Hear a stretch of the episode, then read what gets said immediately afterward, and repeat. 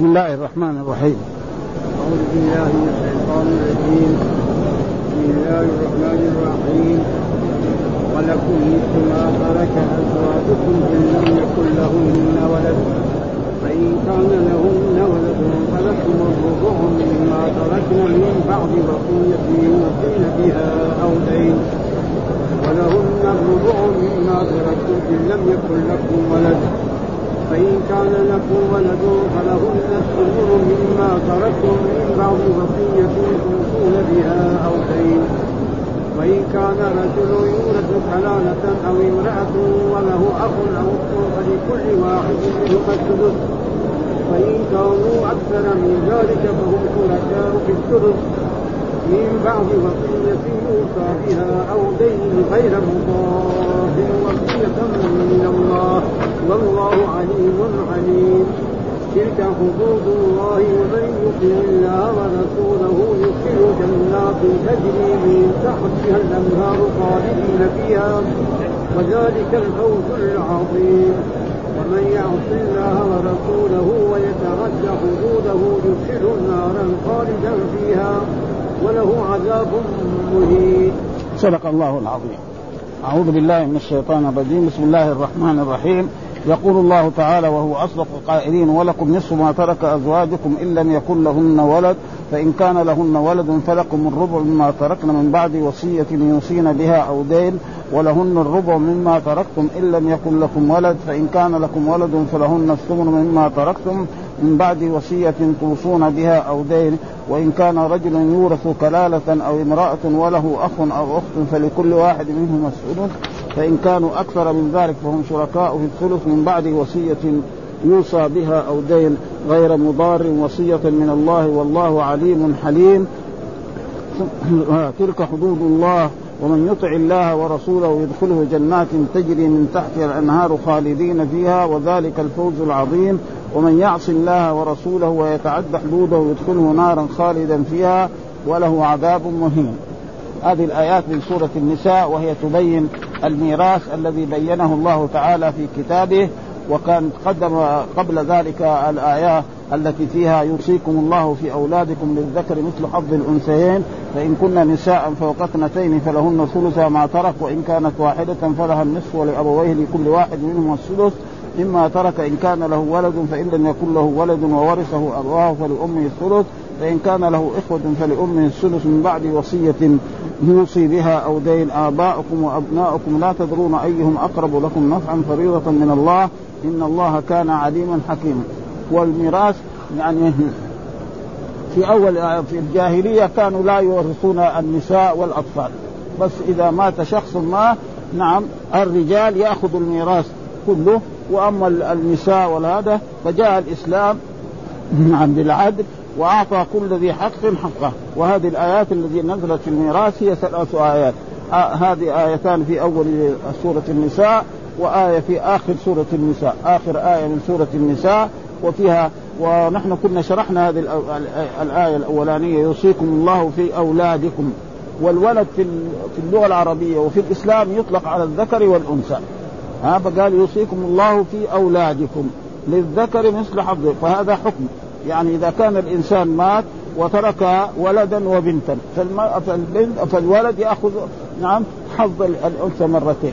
فإذا الولد اخذ يعني عشرة هي تأخذ خمسة ها؟ وإذا اخذ هو مئة هي تأخذ خمسين. هذا معناه يعني في الايه للذكر. مثل حظ الانثيين فإن كن نساء فوق اثنتين. فإن كان مثلا مات رجل وترك مثلا بنتين. نعم.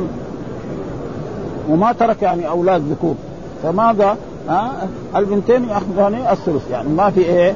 أولاد ذكور. تأخذ كم؟ الثلثان أه؟ وقلنا إن الجمع دائما في اللغة العربية ثلاثة. مثلا محمد ومحمد ومحمد يصير محمدون آه؟ علي وعلي وعلي وهكذا. ولكن في في الميراث يعني الجمع اثنان. ولذلك إذا كانت اثنتان. وهنا قال فوق اثنتين. فوق هذه كلمة يعني الله جعلها في كتابه. بعضهم يقول زائدة وبعضهم يقول على كل حال يعني عند المورثين يعني أقل الجمع اثنتان وأكثره لا حد فمثلا لو كانوا البنات عشرة لحالهم يأخذوا الثلثان ما يزيدون ولما يكون اثنين كمان يأخذوا الثلثان. ها؟ هذا.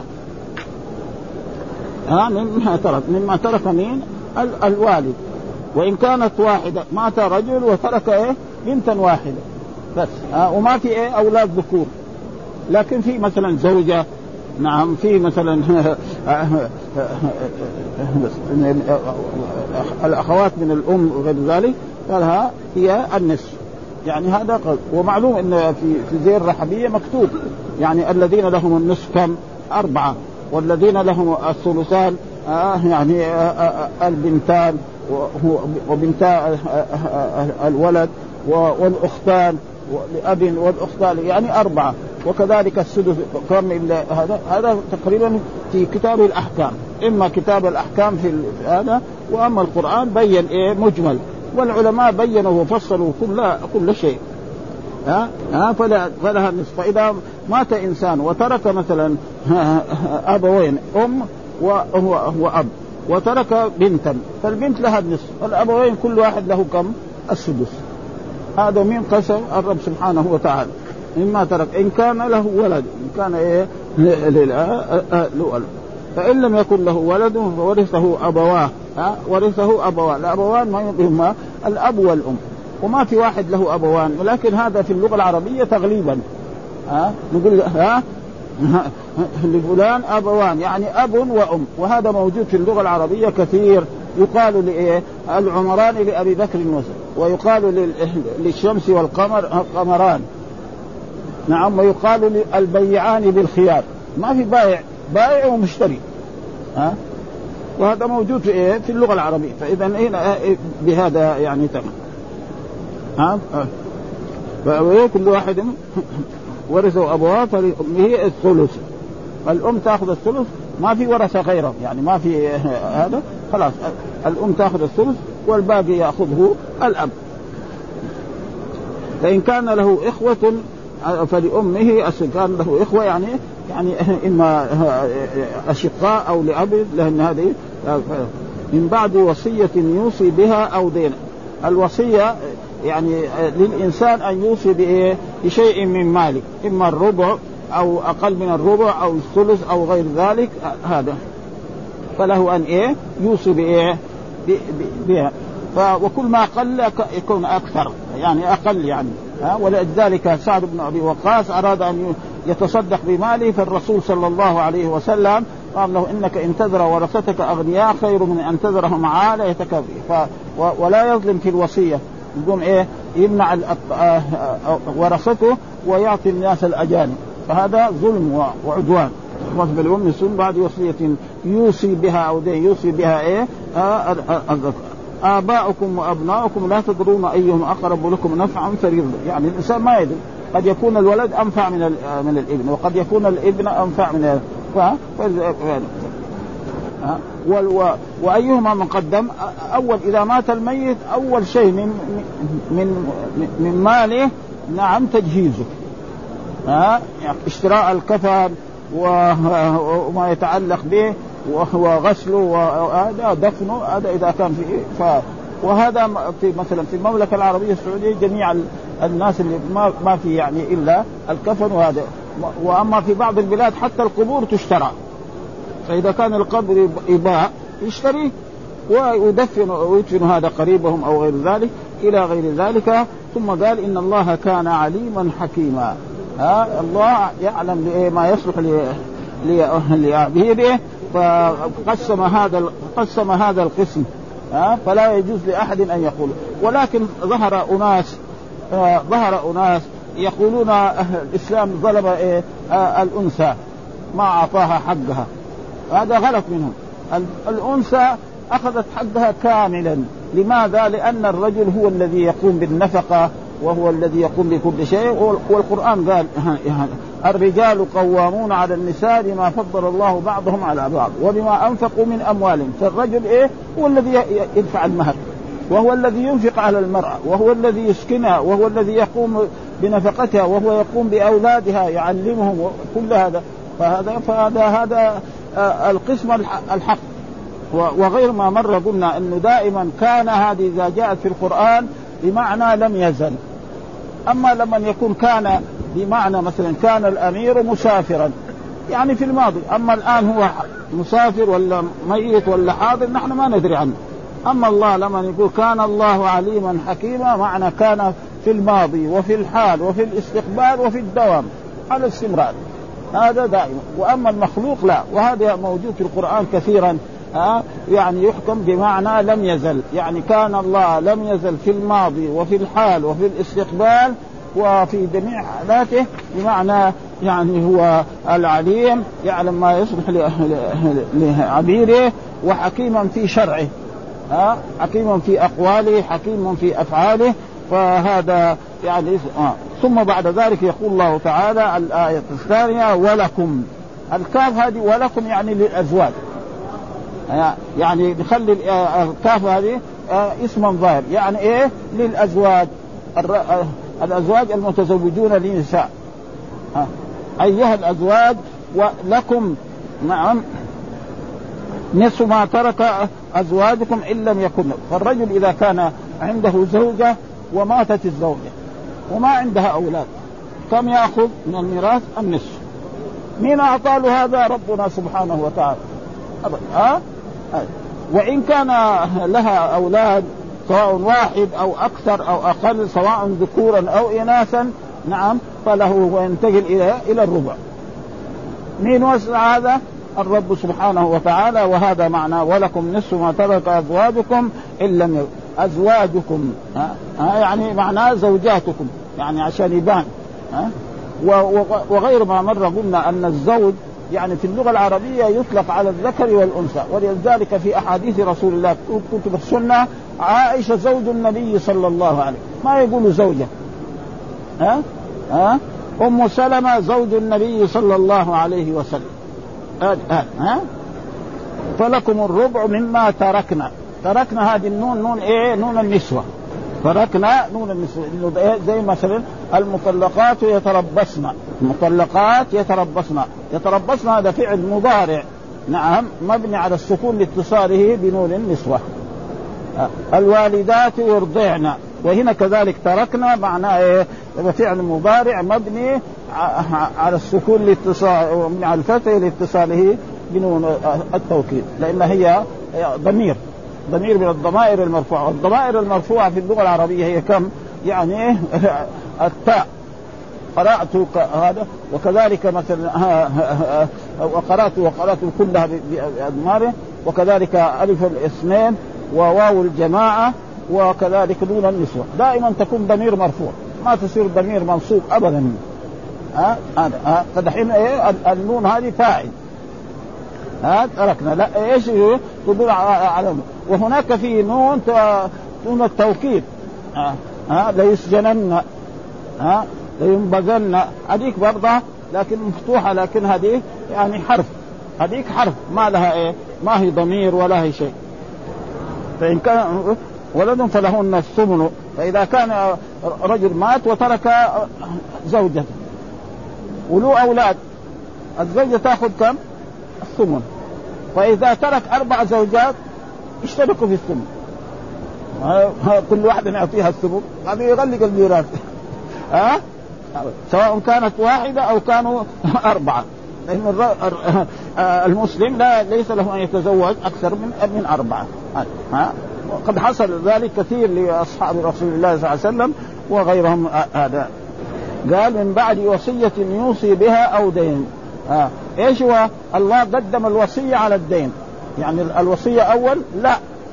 الدين هو أول. أول ما يقام بتركة الميت تجهيزه. فإذا انتهى التجهيز نشوف إيش عليه دين.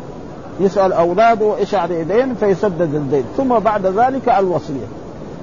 ها آه. والوصية لازم هو ينصف في الوصية. ما يروح مثلا يمنع أولاده ويقوم يوصل إيه للناس الأجانب. فاذا كان قليل فلا بأس بذلك يؤجر على ذلك وصية ها ثم قال إن كان رجل يورث كلاله أو امرأة وله اخ أو أخت والمراد هنا إيه، إيه، أخ أو أخت الأخت من إيه؟ من الأم الأخوات الأخ من إيه؟ من الأم هذول لهم نصيب يعني لهم ميراث آه. فهذا وايش الكلالة؟ الكلالة معناه مشتقة من الإكليل وهو الذي يحيط بالرأس. ها؟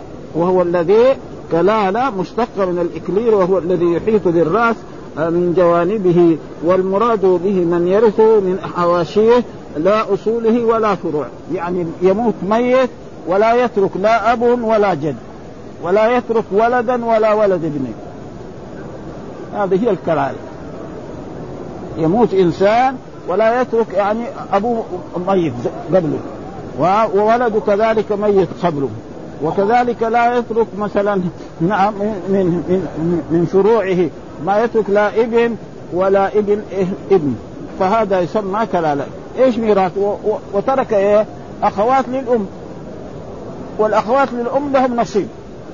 الله جعله في كتابه وهذا هو الكلالة. وكذلك جاء في آخر في آخر السورة. ها؟ ها. قل اللي يطيكم في الكلالة إن امرؤ هلك ليس له ولد وله أخت فلها نصف ما ترك وهو يرثها إن لم يكن له ولد فإن كانت اثنتين فلهما الثلثان. وهذا معنى يعني يموت إنسان من المسلمين ميت ولا أصل له. يعني لا له أب ولا له جد. ها؟ ولا له فرع. يعني لا له ابن ولا ابن ابن. وله ورثة له زوجة. ها؟ نعم. له عم. له أخ وهذا يسمى الكلالة. وهذه يعني آه، آه، يعني كانت تخفى على كثير من الناس ولكن الصحابة رضوان الله تعالى عليهم يعني بينوا هذا أحسن بيان فلذلك هذا ما يقوله هذا. نقول يعني برضو يعني هذا يقول الله تعالى ولكم أيها الرجال نصف ما ترك أزواجكم إذا متن متن عن غير ولد فإن كان له ولد فلكم الربع مما تركنا من بعد وصية أو الدين. وقد تقدم أن الدين مقدم على الوصية وبعد الوصية ثم الوصية ثم الميراث. وهذا أمر مجمع عليه بين العلماء. وحكم أولاد البنين وإن سفلوا حكم أولاد الصلب. ها؟ يعني أولاد البنين حكم. فإذا ما ولد له ولد من صلبه ولد ولد ولده يحل محله تماما وياخذ الميراث ما ياخذه إيه؟ هذا آه ثم قال ولهن الربع مما تركتم إلى آخره وسواء في في الربع آه، الثمن الزوجة والزوجتان والإثنان والثلاث والاربعه فإذا مات إنسان وترك أربع زوجات لهم كم؟ ولو أولاد لهم إيه؟ الثمن. وإذا مات وما عنده هذا أولاد يعني له لها لها الربع. ما يعني ما في الا هذا. وإن كان رجل والكلالة قلنا مشتقه من الإكليل وهو الذي يحيط بالرأس آه من جوانبه. والمراد هنا من يرثه من حواشيه لا أصول. فالحواشي غير الأولاد. والأصول هي الأب والجد ولا فروع كما رواه عن أبي بكر الصديق أنه سئل عن الكلالة فقال أقول فيها برأيي. فإن كان صوابا فمن الله وإن يكن خطا فمني ومن الشيطان. يعني كان ما عنده يعني آه هذا فهذا هو الكلام. وهو رجل من أصحاب رسول الله وجلس مع رسول الله ويعرف إيش لأن كلاله معناه اللغة العربية.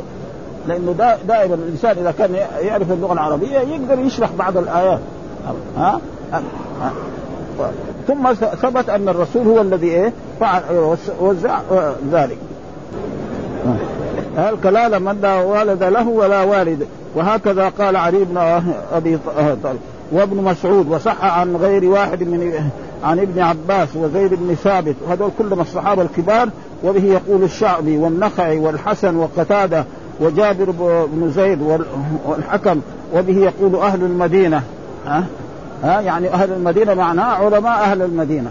وغير ما مر قلنا يعني لما الإمام مالك يقول أدركت أهل المدينة يقولون كذا. ما اين أهل المدينة؟ أهل المدينة العلماء الذي أدركهم هو. مالك ها؟ مو أهل المدينة الناس العاديين الناس. لا هذول ما لهم دخل في هذه الأشياء. ها؟ ها؟ ومرات هو في الموطأ موجود يقول ما أدركت أهل المدينة. مرة يقول أه-, أه أدركت أهل البلد يقولون كذا. ها؟ والمراد ليه؟ لأنه هو كان في يعني ما غلق 90 يعني قبل 90 ولادته وعاش إلى تقريبا 170 أو فالمراد يعني هو ولد في القرن لسه ما انتهى القرن الأول وفي القرن الثاني توفي. فهذول هم العلماء. وأما الناس العاديين هذا فهذا ليس فإذا في زي في عصرنا مثلا جاءت مسألة علمية يجمع العلماء من أقطار الإسلام وينظروا فيها. فإن الله لا يجمع العلماء على باطل ابدا. لابد إيه يدهم وينصرهم ويبين لهم الحقائق في هذا الموضوع. فإذا اجتهدوا في موضوع وحكموا به آه يعمل به. قال وهو قول الفقهاء السبعة والأئمة الأربعة وجمهور السلف والخلف بل جميع وقد حكى الإجماع عليه غير واحد. ها ولو أخ من أم كما هو ها في قراءة بعض يعني في بعض القراءات وله أخ من أم. قراءة لبعض الصحابة. لكن القراءة السبعية الموجودة الآن عندنا قراءة حفص وقراءة نافع أكثرها كلها ما في من أخ. لأن الأشقاء والأخوان لأب هذول تقدموا في الآية التي قبلها. خلاص. ها؟ فإذا الأخ إيه؟ يعني المراد بالإخوان هنا لأم ولهم هم نصيب في الميراث. وهو إما إن كان واحد أو اثنين يأخذ كل واحد السدس. ولا يمنعهم عن هذا شيء. ها؟ إن كانوا أكثر من ذلك فهم شركاء في الثلث. وإخوة الأم يخالفون بقية الورثة من وجوه. أحدها أنهم يرثون مع من أدلوا به وهي الأم لأن الأم تجمعهم. والثاني أن ذكورهم وإناثهم في الميراث سواء. الثالث لا يرثون إلا إن كان ميتهم يورث كلالة. إيش كلالة؟ معنى زي ما قلنا الكلالة معناه إن يموت الإنسان وليس له يعني لا أصل له ولا فرع له. هذه الكلالة. يموت الإنسان لا أصل له يعني لا له أب ولا له جد. ها؟ وكذلك لا فرع له. لا, لا له ولد ولا ولد ولد. هذا فهذا له إيه؟ ميراث. وآية في آخر سورة النساء كذلك. يعني يعني ذكر فيها برضو يفتيكم في الكلالات إن امرؤ هلك ليس له ولد وله أخت. هناك ما ذكر الآن فالكلالة معروفة. الكلالة في اللغة العربية وفي الإسلام معناه من يموت ومعلومة إذا إذا مات. له آه، أختان. فالأختان ترثان إيه؟ الثلث. وإن كانت واحدة ترث النصف. آه، آه، ومعلوم أن في كتب الميراث موجود. الذين لهم النصف كم؟ أربعة. والذين لهم الثمن ستة. والذين لهم الثلثان يعني تقريبا أربعة. فهذول إيه وفي مرات يكون إذا كان القريب هو الذي يرث. مثلا مات إنسان. أخوه الشقيق ما يرث عنده أولاد. ما له ميراث خلاص في أولاده. ها؟ فالعم يكون ما كذلك إذا كان في عم وفي ابن عم. ابن العم ماله. هذه أشياء. يعني وهذا يعني أحسن شيء هو إما كتب الفقه أو أحسن كتاب صغير هو الرحبيه هذا الكتاب ما في أحسن منه وانظف منه لأنه يعني آه، وهو تقريبا على وقد في بعض بعض المذاهب يروا أن إيه ذوي الأرحام يرثون. ولكن مذهب الإمام الشافعي ومذهب الإمام مالك لا يرون. الورثة بس يكونوا إيه هؤلاء الذي ذكرهم الله في كتاب. ولكن جاء في كتاب الله سبحانه وأولو الأرحام بعضهم أولاد وثبتت في أحاديث عن رسول الله صلى الله عليه وسلم أن الإنسان يموت نعم ويكون واحد من قبيلته يعطي له الميراث حقه. ولا يضيع. ليش؟ ها؟ وأما الفقهاء الثانيين لا. إذا ما في له ورثة يسلم لبيت المال. وإلا كان الرسول كثيرا يعني قبيلته يعطي له ها؟ ها؟ ها, ها؟ قال وقد وص... وقد وقعت هذه المسألة في زمان أمير المؤمنين عمر فأعطى الزوج النصف. والأم السدس وجعل الثلث لأولاد الأم. فقيل له أولاد الأبوين يا أمير المؤمنين؟ قال هب أن أبانا كان حمارا. وأنا حمار بدل نحن نشترك الأم واحدة. لهم وهذه تسمى يعني زي ما يقول يعني المسألة الحمية يعني عند الفقهاء وعند آه، آه، وهذا يعني. فشرك بينهم وصح التشريك عن عثمان وهي إحدى الروايتين عن ابن مسعود وزيد بن ثابت وابن عباس رضي الله تعالى عنهم. وبه قال سعيد بن المسيب وشريح القاضي ومسروق وطاووس ومحمد بن سيرين وإبراهيم النخعي وعمر بن عبد العزيز والثوري. هذا هو تقريبا في هذا الميراث. ثم بعد ذلك يقول الله تعالى تلك حدود الله. يعني ما حده الله وبينه لنا ويجب علينا أن نعمل بذلك. فجاء في الآيات الأولى يوصيكم الله وجاء في الآية الثانية ولكم نصف وجاء في الآية الأخيرة قل الله يفتيكم في الكلالة. فهذه حدود الله الذي حدها كما حد إيه يعني الأحكام الشرعية التي في غير إيه الميراث. أمر بالصلاة أمر بالزكاة أمر بالصيام أمر ها وأمر كذلك الانتهاء عن المعاصي عن الزنا وعن السرقة وعن شرب الخمر وعن أكل مال اليتيم. هذه كلها حدود ولذلك جاء حد حدودا فلا تعتدوها. يعني حط الأشياء هذه الموبقات كده وحطها. فالذي يجي ينقذ إليها فيكون هو الجاني وجاء الإسلام بأن يحط مثلا قتل نفسا الله حرم عليه قتل النفس. فإذا فيقتل. سرق تقطع يده. ويصير هذا هذه الحدود هي يعني ومن يطع الله ورسوله يطع الله في جميع الاعمال يعني الأعمال الواجبة كالصلاة والزكاة والتوحيد والحج وغير ذلك ويطع الله في إيه؟ في ما أمر به مثلا الله وصى آه جعل الميراث بهذه الطريقة فيجي واحد ناس حكام ولا ناس هذا يقولوا لا نحن آه، آه، المرأة دي مظلومة لازم نخليهم مع الرجل سواء الولد آه، في الميراث الولد الذكر ياخذ عشرة هي كمان تاخذ عشرة. هذا غلط. ليه؟ لأن المرأة يعني أولا المرأة يتزوجها الرجل ويعطيها صداق. ثم بعد ذلك يسكنها. ثم يكسوها. ثم إذا جابت أولاد نعم ينفق عليهم. هذا هذا هذا الإنصاف. المرأة ابدا ما لها شغل بل يعني كانت هنا الزواجات في في المدينة إذا رجل تزوج مرأة من بنت فلان يساعدوه ناس يتولوا مثلا آه، الفراش البسيط دحين مثلا ابدا كله على الايه؟ على على, على الزوج آه ابدا يشتري إيه؟ الأساس حق حق الشقة كلها. الثلاجة والكنب وأدوات المطبخ كلها على حسابه ثم بعد ذلك يشتري يعني يستأجر شقه لإن عنده عمارة ثم بعد ذلك ها؟ أول ناس كان يساعدوا ها؟ الأب يقوم بشيء والأم تقوم بشيء ولا هذا فيصير زواج طيب. ولذلك الآن الزواجات يعني أصبح كلها خربانة. يعني. رجل يبغى يتزوج ولا يزوج ولده يروح يشتري ثلاثة سيارات. ها؟ يمكن ب ألف ريال ثم يزوج ولده ثم الولد هذا ما يهتم لأنه هو ما خسر ولا شيء.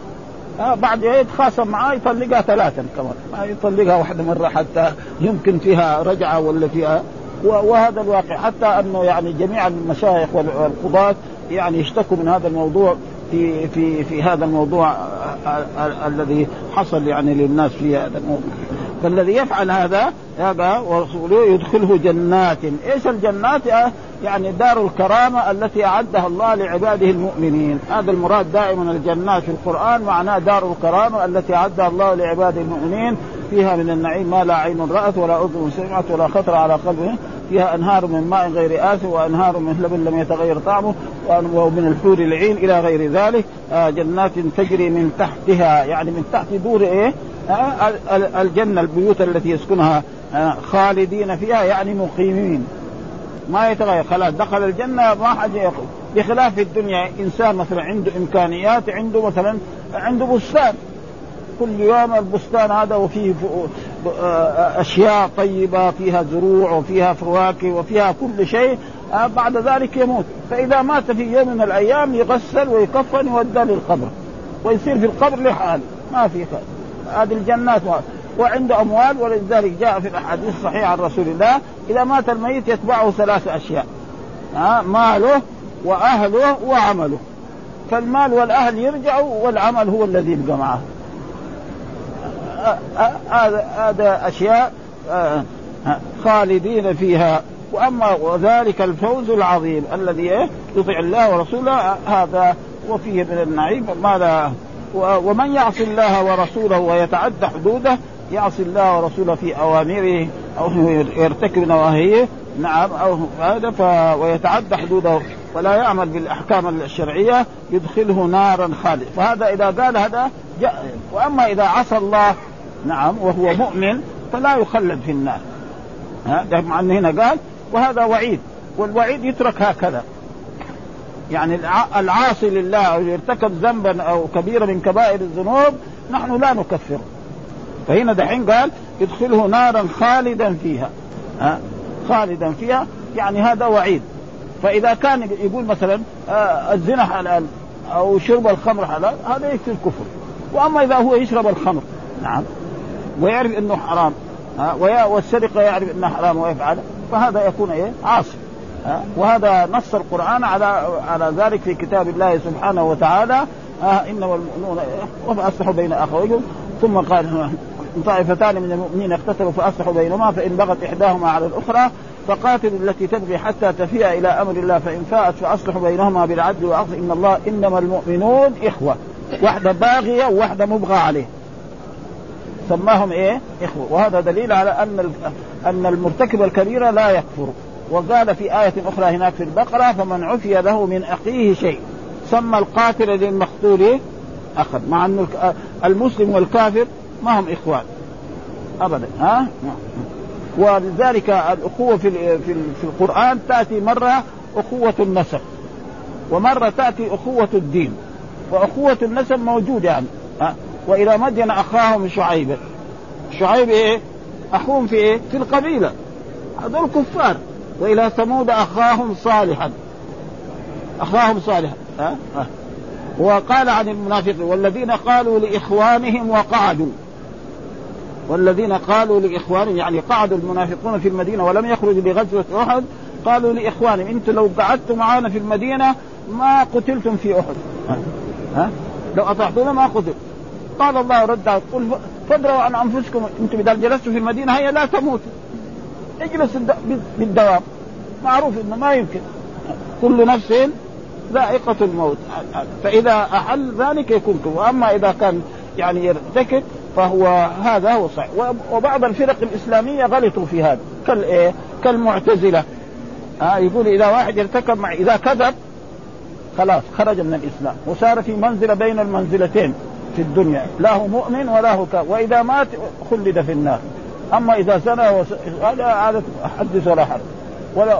والخوارج كذلك قالوا كذلك. وهذا غلطان والآيات تدل عليه ولكن جاءت آيات وعيد مثلا آه، عن رسول الله صلى الله عليه وسلم يعني لا يدخل الجنة مدمن الخمر لا يدخل الجنة عاق لوالديه. تترك على ظاهرها في الوعظ والإرشاد. آه مثلا خطيب تكلم عن الخمر وهذا يقول لا, لا قال رسول الله يدخل الجنة مدمن الخمر. واحد يسمع يخاف. يقول يعني في النار. لأنه هناك ما في إلا دارين. ما جنة وإلا نار. ما في دار ثالثة. يروح يكسر المواعين دي ويصير كسب كسب نار وإلا الحقيقة فنحن بصفتنا طلبة علم لازم نفهم هذا ونقول إيه إنه آه آه آه وله عذاب مهين. وله عذاب يوم القيامة وهين يهينه آه الزقوم إلى غير ذلك. فلازم آه يعني آه وجاء في في الأحاديث آه،, آه تلك حدود الله. قال أبو داود إن رسول الله قال إن الرجل لا يعمل أو المرأة بطاعة الله ستين سنة ثم يحضرها الموت فيضران في الوصية فتجب لهما النار. برضه تجب لهم النار ليس معناه إنهم يخلدوا في النار. ها؟ ما؟ فإذا واحد في الوصية زاد في الوصية ومنع ورثته واعطى الناس الأجانب. يعني يستحق النار. والذي يستحق النار تحت مشيئة الله. ربنا إن شاء عذبه وإن شاء غفر أو نال شفاعة من رسول الله صلى الله عليه وسلم أو من غيره. أه؟ لا يخلد في النار. هذا يعني هذا. وسيأتي والحمد لله رب العالمين. وصلى الله وسلم على نبينا محمد وعلى آله وصحبه وسلم.